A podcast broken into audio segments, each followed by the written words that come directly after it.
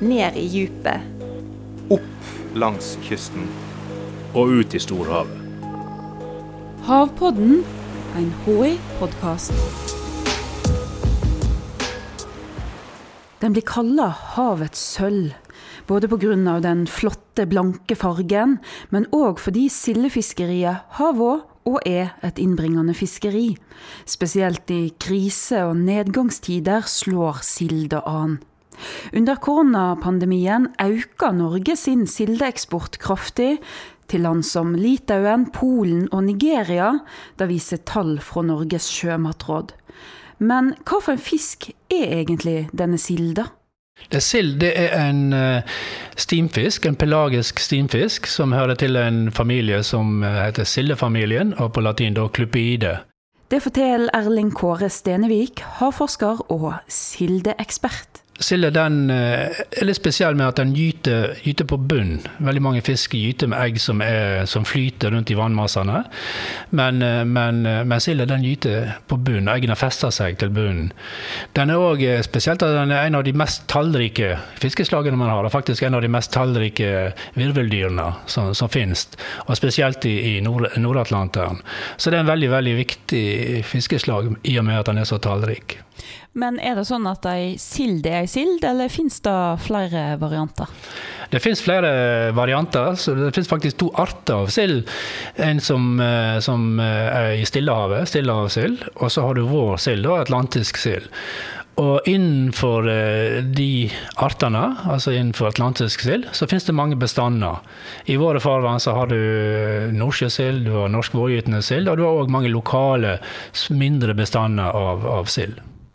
Og eh, du sier nordsjøsild og, og, eh, og, norsk vårgytende sild. Eh, hva er det som skiller de to? Altså Hvordan de er ulike fra hverandre? De er jo først og fremst veldig like. Det er samme art, men, men silda har en og fisk kanskje generelt veldig stor tilpasningsevne. Tilpasser seg ulike, ulike miljø. Uh, og det, det, gjør at de har vært såpass suksessrike. Uh, norsk vårgytende sild den, den finnes uh, ganske langt nord. Fra Norskehavet, som er hovedbeiteområdene, og opp i Barentshavet, som er hovedoppvekstområdene. Den blir ganske stor. Det blir ofte fisk som, som, som, befinner seg ganske langt nord. Den blir ofte stor, Så den blir større enn nordsjøsilden. Og så er den tilpassa det økosystemet som, som, han lever i. Han, han gyter om våren. For om våren så skjer det veldig mye i, i våre farvann, både på land og i sjøen.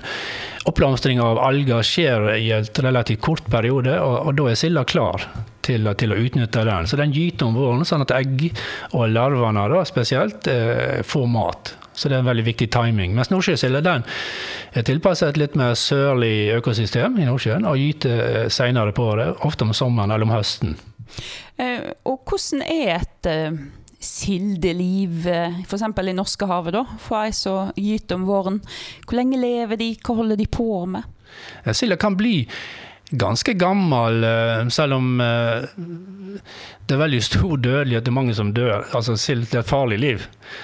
Men den, jeg tror den eldste silda vi har i vårt materiale, da, vi fanger inn mye sild hvert år, er ca. 25 år gammel. Så han kan bli ganske gammel, og han kan bli kanskje oppimot 40 cm lang. Så det er en liten fisk, da, men eh, som kan bli ganske gammel. Og den har jo et veldig eh, omsvevende liv. eller hva du skal si. Han gyter jo gjerne på norskekysten, på gytebanker der han legger eggene sine på bunnen. Larvene driver med kyststrømmen eh, langt opp, helt opp i Barentshavet. Og Barentshavet er det viktigste oppvekstområdet for, for norskvårgytende sild. Og der blir den gjerne i, i en par år, og, eh, før den vandrer ut fra Barentshavet og aldri kommer tilbake igjen. Og Så bruker han resten av livet sitt i Norskehavet, og med en årlig vandringssyklus på flere tusen kilometer hvert år mellom beiteområder langt vest i Norskehavet, overvintringsområder nær norskekysten og gyteområder på banken utenfor vestkysten av Norge. Så du kan si den vandringen eh, på en sild som kanskje er 30-35 cm på flere tusen kilometer hvert år, den er egentlig ganske imponerende. Så det er et veldig omsvevende liv silda lever. Den er tilpassa det. Den svømmer i stim og kan ha en ganske effektiv måte å bevege seg på på den måten. Du sier at uh, silde lever jo tross alt et ganske farlig liv. Hvem er det som er ute etter silde? alle som har en mulighet til å spise sild. og Det, det er ganske mange. Um, det spørs jo på størrelsen på silda. Når silda er, er, liten, larva yngel, så er, det jo, er det jo noen. Så det kan være alt fra, fra småfisk og, og krill, kanskje, og litt sånn mindre eh, organismer. Og så er vi jo kjent at eh, når silda begynner å drive nordover langs norskekysten og blir litt størrelse, så er det mye fugl. Altså lundefugl er jo et eksempel som, er, som spiser veldig mye, mye sild og når silda blir større, så er det jo større fisk. Sei, kanskje torsk, og òg eh, sjøpattedyr. Hval. Man ser jo eh, langs norskekysten, spesielt i, i de periodene der silda overvintrer i norske fjorder og i havområdene like utenfor norskekysten, så er det veldig mye hval. Spekkhoggere, eh, knølhval og andre som mesker seg eh, i silda. Så det er ganske mange uh, ulike arter på ulike nivå som, som spiser sild gjennom livsløpet. Og når så mange har, har lyst til å ete henne, har hun en viktig rolle i, i, økosystemene der hun bor? Ja, det har hun. Det er som sagt en av de mest tallrike bestandene man har. Og sånn sett en veldig viktig kan man si, energibærer gjennom økosystemet. Da, I og med at den spiser veldig mye av det planktonet som, som, blir produsert hvert år. Og blir mat for veldig mange høyere oppe i næringskjeden. Så det er veldig, på mange måter en nøkkelart i, i økosystemet vårt. Eh, det er det. En viktig art og en av de mest tallrike i verden. Men for noen tiår siden så gikk det skikkelig skeis med silda. Vi skal tilbake til 70-tallet. I en periode på 70-tallet så var det jo veldig lite og nesten ingen sild igjen. På 50-tallet så var det noen år med, med relativt lav eh, rekruttering, som jeg kaller det. Men samtidig så var det en voldsom utvikling i fiskeriet på mange, mange, mange måter.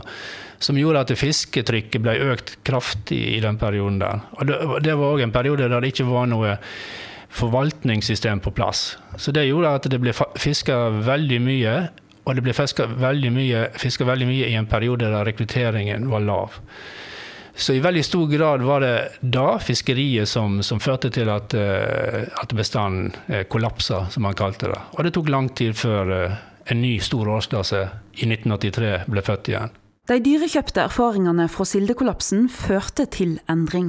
Fiskeriet ble regulert, forskning og forvaltning kom på plass for å finne ut hvor mye sild det var forsvarlig å fiske hvert år for å hindre nye mageplask. Man trodde kanskje i en periode at man kunne Havet er stort, silda mange eh, plasser det kan gjemme seg. Det fiskeriet som skjedde i stor grad på kysten, kanskje ikke hadde noe særlig å si for hele bestanden, men det viste seg at det var, det var nok feil. Så på, i årene og tiårene som fulgte etter, da, så fikk man på plass gradvis uh, ulike typer forvaltningsregimer. Uh, som gjorde at uh, man nå har helt annen, et helt annet fisketrykk. I dag ser framtida ganske lys ut for silda. Her er en bestand der det settes inn mye ressurser fra forskningen og overvåkningen. Man har to veldig gode tokt. Man har en god overvåkning av fiskeriet og samler inn data fra fiskeriet med eh, eh, fangstprøvelotteriet. Så her har man en bestand som jeg mener man har ganske god kontroll på størrelsen på bestanden, og man har en ganske god forvaltning. Havpodden er en podkast fra Havforskningsinstituttet. Jeg heter Stine Hommedal og jobber her. Teknisk produksjon og lyddesign var det Febril Film som sto for. Og du, du hører snart igjen.